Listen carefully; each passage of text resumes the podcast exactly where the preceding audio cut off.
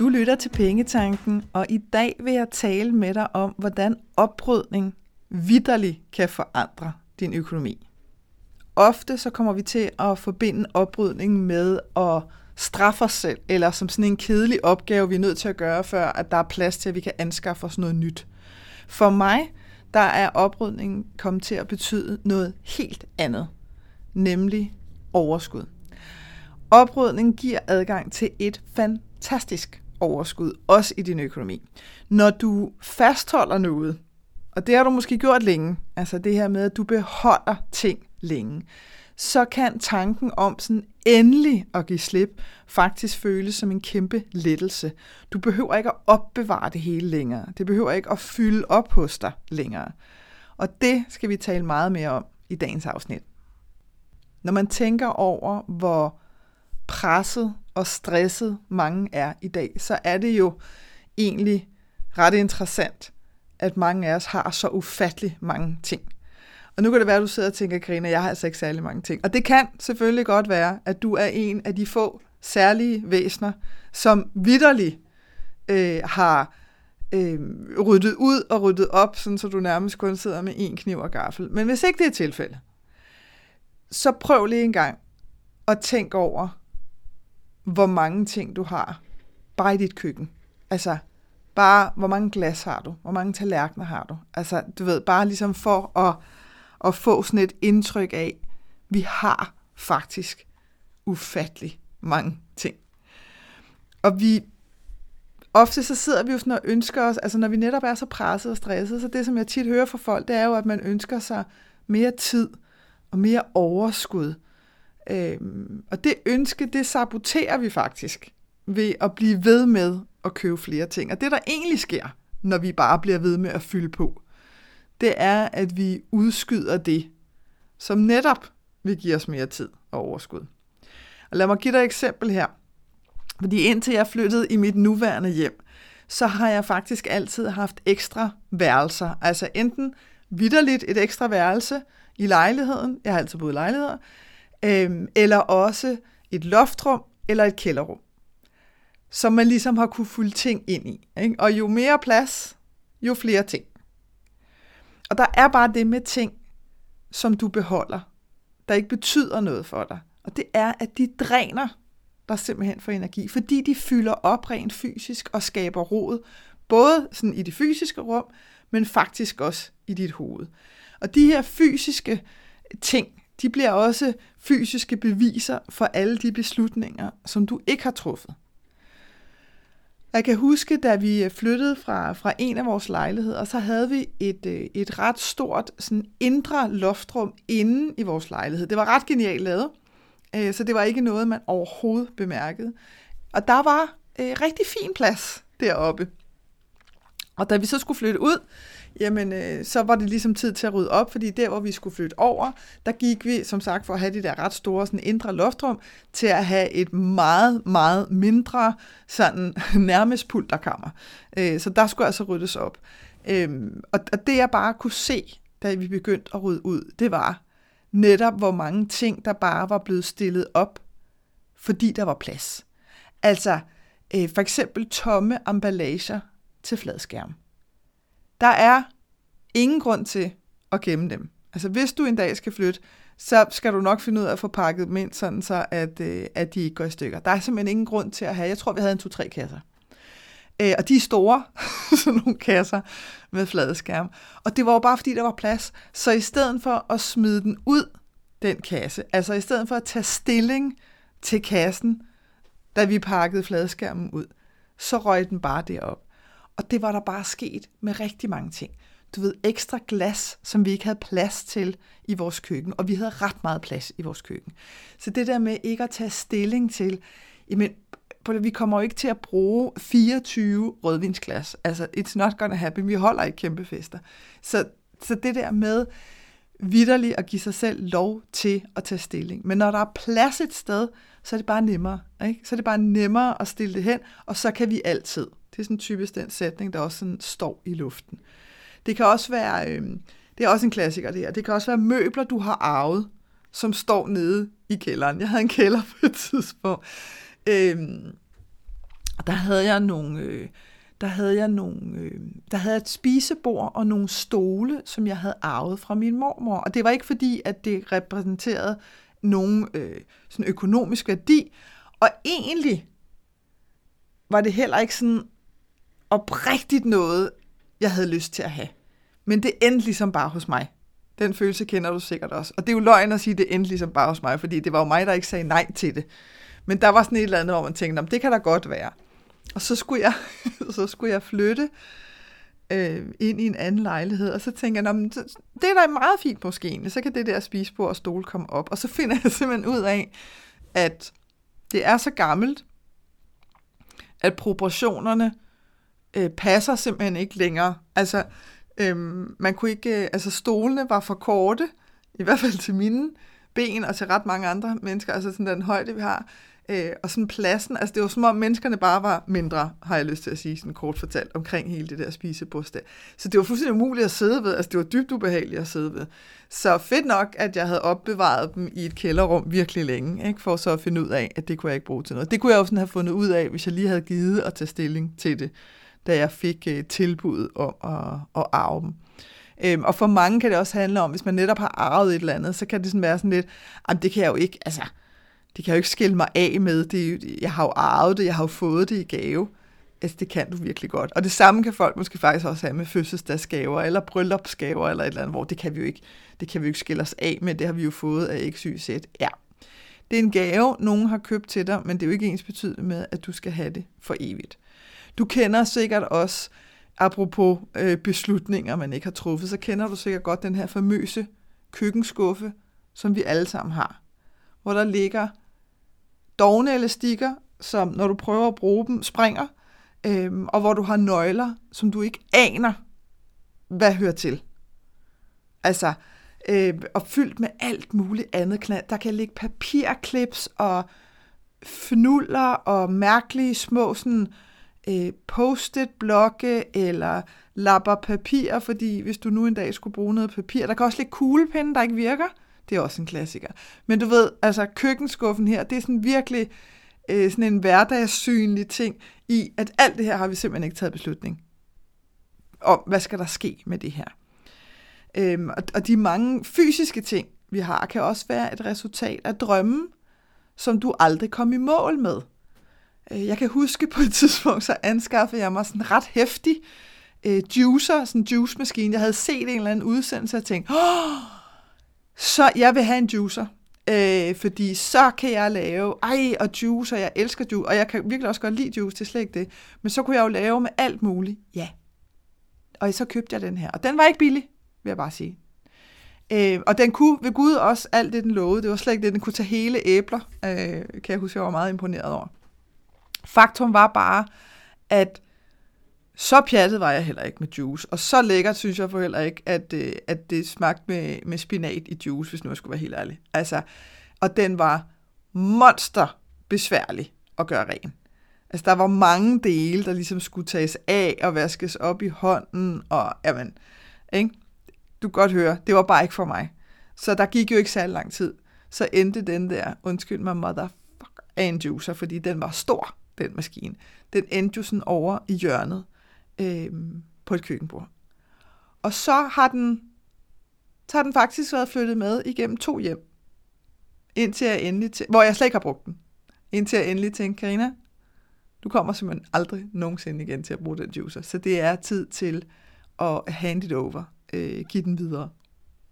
Så det gjorde jeg. Endelig. Men, men det er bare sådan et godt eksempel på, at vi kan have sådan en drøm om, ej, det bliver fantastisk, og så et eller andet, du ved, og så kan vi tegne sådan en hel historie, Øhm, og så stopper vi sådan allerede ved første skridt i virkeligheden. Ikke? Det kan også være for mig igen, øh, har det været en klassiker, at, øh, at købe strikbluser.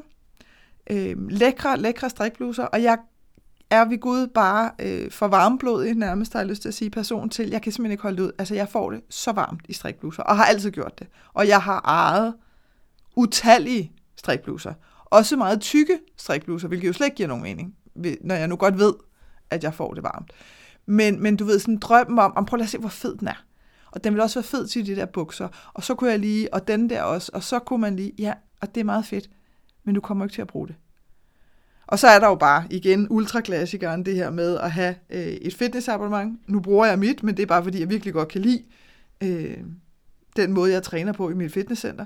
Men for rigtig mange, så er det jo at, at have det her fitnessabonnement, som man aldrig øh, bruger, fordi så længe man har det, så er drømmen ligesom intakt om, at, at jeg kommer til at bruge det en dag. Og så længe jeg har det der kort i min pung, så er jeg jo sådan en, der har et fitnessabonnement. Du ved, så der er mange historier øh, bundet op til det her. Øhm, og det her med, at, at vi bliver ved med at fylde på med ting, det handler jo også om, at vi ofte forventer og håber på, at lige præcis den næste ting, den vil give os noget ekstra. Og ofte så handler det om, om en eller anden form for lettelse. Altså, uh, lige det der, sådan, lige det der glædesmoment af lettelse. Øh, og måske ovenikøbet også mere tid og mere overskud. Altså apropos min juicer, ikke sådan overskud til, nej, så bliver jeg sundere, og så får jeg meget mere overskud. Du forstår, hvad jeg mener. Og midt imellem alle de her ting, der findes der også alle de følelser, som vi ofte forbinder med vores ting. Fordi nogle gange, så kommer for eksempel fysiske minder til at udføre en helt anden opgave i dit liv, end bare at mindre om en person eller om en begivenhed. De kommer nemlig til at udfylde et tomrum inden i dig. Og hvis du kan mærke, at du forsøger at udfylde et tomrum i dit liv med ting, så vil jeg bare sige til dig i al kærlighed, at du er på en umulig mission. Fordi tingene kan ikke fjerne tomrummet inden i dig, og det er ligegyldigt, hvor mange ting du fylder på i dit fysiske liv eller dine fysiske omgivelser. Når du fastholder noget, og måske har gjort det længe, så kan tanken om at sådan give dig selv lov til at give slip faktisk føles som en kæmpe lettelse. Altså det her med, at du giver dig selv lov til ikke længere at holde fast på de her ting. Og lad mig give dig et eksempel igen fra mit eget liv. Jeg havde et, øh, og det er vel, har jeg lyst til at sige et års tid siden. Der så jeg nogle, øh, nogle jeans i den, den der helt sådan klassiske mørkeblå farve. Og så tænkte jeg, om det kunne være meget fedt. Jeg havde, jeg havde fundet et, øh, et mærke, som øh, sidder mega godt, super god pasform, Øh, og der havde jeg et par sorte jeans fra, og så et par sådan helt lyse, lyseblå jeans. Og så så jeg, nu havde de det i sådan en mørkeblå farve, så tænkte jeg, de kan nok være, det er nok meget fedt, fordi det er sådan en klassisk farve også, øh, sådan, du, du ved, som kan gå til alt. Øh, og jeg har sådan en masse farverige kimonoer for eksempel, så nå, det kunne være meget fedt at have de der jeans til. Så dem købte jeg, og jeg gik aldrig med dem. Fordi hver gang jeg sådan prøvede dem sammen med, så blev det bare for kedeligt. Altså, der var sgu ikke, øh, der var ikke rigtig nok øh, sådan passage over det der sæt der. Så jeg endte altid med at tage dem af og sådan tænke, ah, de bliver lidt for, du ved, lidt for klassisk kedelige på en eller anden måde. Øhm, men jeg blev ved med at hænge dem op, fordi jeg tænkte, ah, det kan jo ikke, altså, det kan jo ikke passe, vel, de er jo super cool. Det, det jeg finder lige, det, det må jeg lige kigge på senere, ikke? apropos udskydelse. Ikke? Det tager jeg lige stilling til senere. Og det, der bare sker, uden at du lægger mærke til det, altså det sker på et fuldstændig ubevidst plan, det er bare, at når du bliver ved med at beholde ting, specielt når de er synlige for dig, og der er de jo ofte i vores garderobe, så bliver vi sådan ved med at bruge energi på at tage stilling til dem. Altså det der med, nej, ikke den der, ikke den der, ikke den der, ikke den der. Og det kan være, du ved, det kan også være det der, øh, tøj, du har gemt i alt gammelt tøj i, i alt for små størrelser nu, fordi, ah, måske en dag, du ved, sådan noget. Altså, alt det der tøj, som du ikke har tænkt dig at tage på, og nu kan jeg ikke engang huske det, jeg kan huske en af mine veninder, som er stylist, hun fortalte mig om sådan en eller anden crazy procentsats, og det er sådan et eller andet helt skørt åndssvagt med, at du ikke bruger 80% af det tøj, du har, eller kun bruger 20% eller et eller andet. Det, det er sådan ret vildt. Øhm, og det kan jeg faktisk godt ikke genkende til, fordi sådan har jeg også tidligere haft det i min garderobe. Og sådan havde jeg det med de der jeans. De fik sådan ligesom lov til at blive hængende rigtig længe. Indtil en dag bare tænkte, jeg gider simpelthen ikke at blive ved med at tage stilling til dem. Så ned ad bøjlen, og ja, det er rigtigt, jeg nåede vidderligt aldrig at have dem på. Ned ad bøjlen, ned i en pose, ned i røde korscontainer. Ud med dem. Og det var en skøn lettelse, ikke at skulle tage stilling til dem hver morgen. Jeg har også gjort det med øh, stiletter. Jeg har haft et shitload af sko Altså virkelig, og meget, meget smukke, lækre, dyre, også nogle af dem, sko. Virkelig fede stiletter, som bare var vanvittigt ubehagelige at have på. Men som jeg beholdt, fordi de jo var enten virkelig smukke, eller virkelig fede, eller virkelig dyre. Så det der med også på et tidspunkt, hvor jeg bare tog sådan en kæmpe oprydningsrunde i min garderobe, og give mig selv lov til at give dem videre, hvis det var, jeg ikke havde gået med dem, og ellers ud med dem, hvis det var, jeg havde gået med dem. Altså, kæmpe lettelse. Så det er bare for at sige, at det behøver altså ikke at være forbundet overhovedet med straf, eller øh, at du skal undvære, eller øh, Øh, trigge sådan følelsen af mangel i dig og skille dig af med ting. Det kan rent faktisk også være en kæmpe lettelse. For andre, så kan tanken om at skille sig af med ting være skræmmende. Fordi at det ofte øh, bunder, sådan, øh, eller har råd tilbage i den her følelse af, jamen hvem er jeg så? Hvem er jeg så nu? Og det er der, hvor at, at vi har beholdt ting i det, som jeg vil kalde misforstået tryghed. Øhm, og det sker rigtig ofte med minder, for eksempel. Altså, du ved, så kan du have 120 tegninger fra dine børn eller børnebørn, eller øh, 40 lærting, du ved, der er lavet igennem årene, eller øh, souvenirs fra alle mulige rejser i alle mulige afskytninger. Og det kan være, at det forbinder dig med tryghed, fordi at du øh, Øhm, måske ikke længere har mulighed for at rejse, eller ikke føler, at du har råd til det, eller at din situation har ændret sig, så der kan være alle mulige grunde til det. Men, men det her med, at vi fylder, igen fylder vi et tomrum op. Altså tomrummet, som hedder, jeg har brug for at føle mig tryg, det, der, der er et tomrum i den forbindelse, når vi begynder at, at fylde ting ind, og så bilder os selv ind, at, at det føles mere trygt. Og her, der handler det jo i virkeligheden om, at vi ikke vil mærke det, som larmer i os, eller som gerne vil have vores opmærksomhed indenfra. Der er simpelthen ting, vi ikke vil tage os af. Og derfor så bliver vi ved med at fylde på. Det kan også være, at, at du er fanget i fortiden. Altså apropos det her igen med, at, øh, at hvis jeg beholder det her, så, så kan det måske blive som den gang. Og det kan for eksempel være netop det her med at beholde gammelt tøj i, i mindre størrelser jamen, så, kan jeg, så kan jeg blive, ligesom jeg var dengang. Hvis det er, at jeg, øh, hvis det er, at jeg taber mig, så kan jeg endelig passe det her tøj, og så bliver jeg ligesom den version, jeg var dengang. Det virkelig smukke ved oprydning, det er, at det bringer meget mere med sig, end bare sådan den fysiske del, hvor vi sådan bedre kan overskue vores sådan fysiske ting. Men for at oprydning for alvor skal have en langvarig effekt, så er vi nødt til at gøre det på flere niveauer. Og det er præcis det, som vi gør i, øh, i oprydning ekspeditionen 2024, som vi øh, som snart går i gang. Fordi her, der har jeg ligesom sørget for, at vi har det, som jeg sådan kalder konkret oprydning. Altså et oprydning i fysisk space. Fordi når du vil sætte en forandring i gang, så er det en rigtig god ting at gøre noget helt konkret som sådan både involverer din krop, altså at du rent fysisk tager nogle ting og tager stilling til og fjerner fra dit hjem, og også dit sind. Og det sender også en klar besked sådan til alle dele af dig om, at nu gør vi det. Og derfor, netop derfor, så indeholder oprydningsekspeditionen også en konkret oprydning, som jeg guider dig igennem, sådan, så du ved præcis, hvad du skal gøre. Og jeg har ændret den i forhold til, at jeg kørte oprydningsekspeditionen med med ret stor succes sidste år for første gang. Øh, og det er også derfor, jeg gentager den igen i år.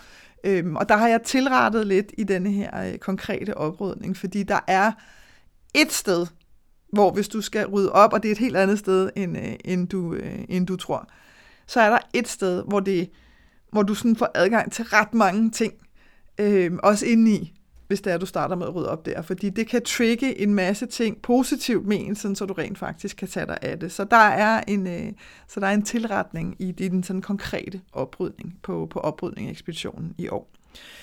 Det jeg også øh, har med, det er den følelsesmæssige oprydning. Fordi at dine følelser påvirker din økonomi og omvendt. Og når du begynder at blive bevidst om de følelser, du har for din økonomi og dine penge, sådan lige nu og her, så er det faktisk, altså det føles sgu lidt ligesom at stå med en tryllestav, fordi når du ligesom får øje på, jamen hvad er det, der sker øh, med din økonomi i forhold til dine følelser, og hvordan er den der påvirkning? Når du sådan ligesom kender dit udgangspunkt, så kan du for alvor begynde sådan at indstille kursen mod det, som du gerne vil opnå, fordi nu har du kigget på det, som du måske i virkeligheden har forsøgt at dulme ved bare at anskaffe dig flere ting. Så du begynder altså at tage dig af de her følelser, der fylder op, og så sætter du handling bag øh, de ting, som du virkelig ønsker dig. Og det vil sige, at du giver også slip på det, som du egentlig ikke har lyst til. Og jeg får sådan lyst til at dele med det, Jeg læste her, jeg tror faktisk, det var her til morgen, at jeg stod på et opslag med en familie, hvor at, øh, at øh, de synes, at du ved, alle andre har meget bedre styr på, på deres økonomi, end vi har. De var sådan i midten af 30'erne. Øh, og sad virkelig med den her følelse af, at alle andre har meget bedre styr på, du ved. Vi har SU-lån, og vi har billån, og øh, vi føler ikke, øh, du ved, der, der er penge, men vi føler ligesom ikke rigtigt, at vi bruger dem på noget, der sådan egentlig giver værdi, og øh, så lige pludselig så, nå, så var der lige noget mere tøj til ungerne, eller så var der lige en fødselsdag, eller du ved, så var der lige noget andet, man, øh, man lige kunne købe, som sådan lige kom forbi. Og den egentlige udfordring her, det er jo, at, at i sådan en situation, jamen så ender vi op med at bruge penge på alt muligt andet. Og jeg kan ikke engang sige andet end, fordi det, der rigtig tit sker, det jeg rigtig tit ser, øh, det er, at folk faktisk ikke har fundet ud af, jamen, hvad er det, vi gerne vil? Fordi at vi har så svært ved at kigge vores økonomi i øjnene. Vi har så svært ved at turde sige, vi kunne rigtig godt tænke os at leve sådan her. Vi kunne rigtig godt tænke os Øh, at holde ferie sådan her. Vi kunne rigtig godt tænke os at bo sådan her. Altså, der kan være nogle ønsker, som kan være enormt svære at turde sætte ord på. Fordi så længe vi ikke har sat ord på dem, så kan vi heller ikke blive skuffet over det.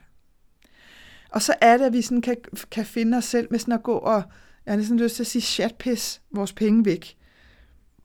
Hvorimod, altså det er som om, jeg får lige sådan et billede, ikke? det er som om, at vi fylder den her sådan ventetid ud. Vi ved bare ikke lige helt, hvad vi venter på. Men vi fylder ventetiden ud med at købe ting, fordi vi ikke ved, hvad vi vil. Altså det svarer sådan lidt til, at du sidder, du går op hos din læge og sætter dig i venteværelse, men du har ikke nogen aftale, så du bliver aldrig kaldt ind. Altså du sidder der bare. Ikke? Øh, når det er, at, at vi ligesom ikke ved, hvad vi vil. Og når jeg siger, ved, hvad vi vil, så handler det ikke om, at du ved, hvilken pensionsordning du vil have, eller boliglån eller et eller andet. Det handler simpelthen om, at du giver dig selv lov til at sætte noget retning på, hvad er det, du godt kunne, hvordan kunne du godt tænke dig at indrette øh, din hverdagsøkonomi? Hvordan vil det give mening for dig at indrette den, men også sådan, så du tør kigge på din økonomi med det, som jeg vil kalde et livsfokus.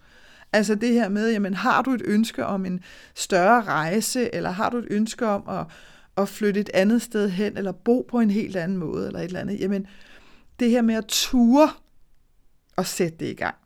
Fordi når dine penge pludselig får et formål, så er der rigtig mange af de her ligegyldige køb, som falder helt væk.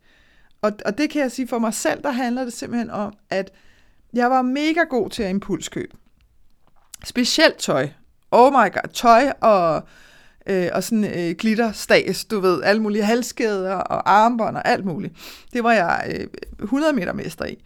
Øhm, og, og da jeg først ligesom fik sat retning på, for det første fik ryddet op, og, og fik set, hvor afsindig mange ting, jeg havde anskaffet mig igennem tiden. Øh, Øh, det, der blev det sådan ret synligt, at jeg tænkte, okay, this der stop. Men fordi at jeg også ligesom fik sat en retning på, jamen hvad er det, jeg gerne vil?